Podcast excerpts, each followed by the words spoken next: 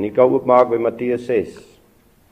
Eintlik moet ek nou een van die kinders gevra het om dit vir ons te kom opsê. Want dit behoort dit almal maklik te kan opsê. Daarvan af die 9de vers. Onse Vader wat in die hemel is of die hemele kan U ook gebruik. Laat U naam geheilig word. Laat U koninkryk kom. Laat U wil geskied. Soos in die hemel net so ook op die aarde. Gee ons vandag ons daaglikse brood en vergeef ons ons skulde soos ons ook ons skuldenaars vergewe. En lei ons nie in die versoeking nie. Net ek wil dit net laat u dit maar korrek maak in die Bybel. God lei niemand in versoeking nie. Hy versoek niemand nie. So die korrekte wat hier moet verstaan is bewaar ons van die versoeking of as die versoeking daar is, laat ons nie daaraan toegee nie. Maar God lei ons nie in versoeking nie. Maar verlos ons van die bose, want aan U behoort die koninkryk en die krag, die heerlikheid tot in ewigheid. Amen. Ons skrywe bo aan die boodskap wet en gebed. Geliefdes, Jawe het dit baie duidelik aan my gesê op die pad dat die onsse Vader is die antwoord op die 10 gebooie. En dit het my geweldig gegryp. Dat jou gebed vloei voort uit die wet. Die gebed is onlosmaaklik gebonde, vasgemaak aan die wet. Dit is dus sinneloos om te bid as ek weier om die wet te gehoorsaam. Niemand van ons is nie onder die wet nie. En ek wil baie duidelik want daar's 'n groot verwarring onder baie Israeliete in hierdie land. Ek wil baie duidelik vir u sê u moet onderskei tussen die wet en die seremoniele wet. Yeshua het alles volbring. Maar in die oorgaan van die priesterorde van uit die Levitiese priesterorde na die Melchisedek priesterorde is ons ontdaan van alle seremoniele wette maar ons bly gebonde aan die wet. Dit kan nooit verbygaan. Yeshua sê in Matteus 5 vers 17 ek het nie gekom om wet of profete ontbind nie, maar om dit in vervulling te laat gaan. Paulus wanneer hy aangekla word, dan sê hy ek bly by al die wette en die profete terwyl jy sal sien dat Paulus al die seremoniele wette afskaf. Die laaste bladsy van die Bybel, die 7de en die 14de vers van Openbaring 22 sê vir ons salig is hulle wat my gebooie bewaar, salig is hulle wat my profeseë bewaar. Die wet bly.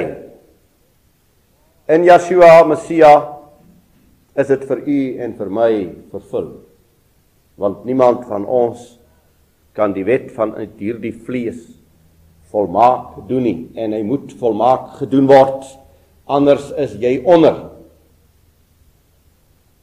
en hy het dit vir ons volmaak gedoen en daarom is die gebed is die gebed die antwoord op die wet? Is die gebed die uiting van my hart? Die uiting van my hoogste behoefte? Die uiting van my hoogste strewe na God is my gebed. En dit is dan ook die antwoord wat ek gee op die wet van God. Daarom kan ons maar mooi luister Hierdie wonderlike pragtige ooreenkoms tussen die 10 gebooie en die onsse Vader, albei het twee hoofgedagtes. Die wet sê Jawe een enige God alleen moet aanbid en geëer word. Die totale wet styg op die ou end uit na God toe. Maar die eerste 4 gebooie handel net rondom Jawe. Die eer aan Jawe. Die aanbidding tot hom, die lof tot hom, die erkenning. Pragtig, u kan dit maar gaan kyk. Lees dit maar weer. Ek hoef dit mos nie vir u vanmôre te lees. Die wese van die wet is die liefde tot God. En as ek God waaragtig liefhet, dan is my hele lewensuiting na hom toe. Die tweede deel van die wet, die volgende 6 gebooie, gaan oor die volk, die volk se onderlinge verhoudings, die volk se optrede teenoor mekaar, se handelinge met mekaar. Kom ons by die onsse Vader dan het hy ook hierdie twee gedeeltes. Die eerste is die eer en die lof aan God Jahwe. Dis waaroor die gebed se uiting is. Terwyl van ons kinders gebed het 'n ander woordjie wat ek baie verkies. Aanbidding. Aanbidding. Dit wil sê Die gebed het nie net 'n vraag nie, die gebed het 'n lof. En dit is die die pragtige begin van hierdie gebed en die volheid lê daarin. En dan kan jy kyk die tweede gedeelte van die onsse Vader handel weer oor u en my. Oor ons behoeftes. Ons verhouding tot mekaar.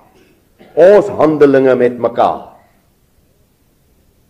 Kom ons luister dan baie goed na die gebed en na die wet. Die wet is 'n bevel. Dit is onontvlugbaar vir die geslag van Jawe. Dit is deur hom geskrywe. Dit is deur hom aan ons gegee. Daarom sal u sien die kerklike wêreld al ontken hulle die Ou Testament in so groot mate al maar hulle lees nog die 10 gebooie. En al is die 10 gebooie net vir Israel geskrywe, hulle lees dit ook vir die Kanaaniete en die Ferisiete en die heidene. Noem op. So is hulle gebind aan hierdie wet. Hy's onontvlugbaar. En u weet wat Jesua gesê het? Hy het gesê as jy een van hierdie gebooie breek, is jy skuldig aan al 10 gebooie. So elke keer wanneer u en ek op een of ander wyse 'n oortreding begaan teenoor enige van die gebooie, dan bly ons skuldig aan die hele wet want die wet is 'n een eenheid. Die wet is die laaste stukkies wat ek kan sê ja, hier en hier en hier en voldoen ek daarop. So hierdie maak nou nie eintlik soveel saak nie. Dit is die volle gebod. Daar is geen ander god Daar is net een enige waaragtige wese. Geopenbaar is Vader, Seun en Heilige Gees. Wat die wêreld ook al vanmôre skree en verkondig en dink daar is net een enige God. Geopenbaar in sy skepping sodat die skrif vir ons sê dat as hulle nie die woord gehad het, jy moet hulle immers in die skepping sien en sal daar vir geen mens in ontvlugting wees nie want hulle moes hom immers in die skepping aanskou. Maar u en ek het ook die besondere openbaring van God naamlik sy woord. Daar is net een boek in die wêreld oor die eeue geskrywe en oorgegee wat soos hierdie boek is. Daar as hy nog so een want hy's oor baie eeue geskrywe Maar as jy voor beginne en jy eindig agter, is dit een volmaakte eenstemmige boek. So dit is die openbaring van God en dis sy openbaring aan sy verkore volk. En daarom het geen nasie ter wêreld nog ooit hierdie boek oorgelewer nie behalwe die geslag van God. Ek kan maar getoets wat ek nou sê. Dis die die wonder Daar is net U en enige God, onsse Vader. Onsse Vader. Wat waar is wat jy iewers hier op die aarde kan staan maak in 'n vorm?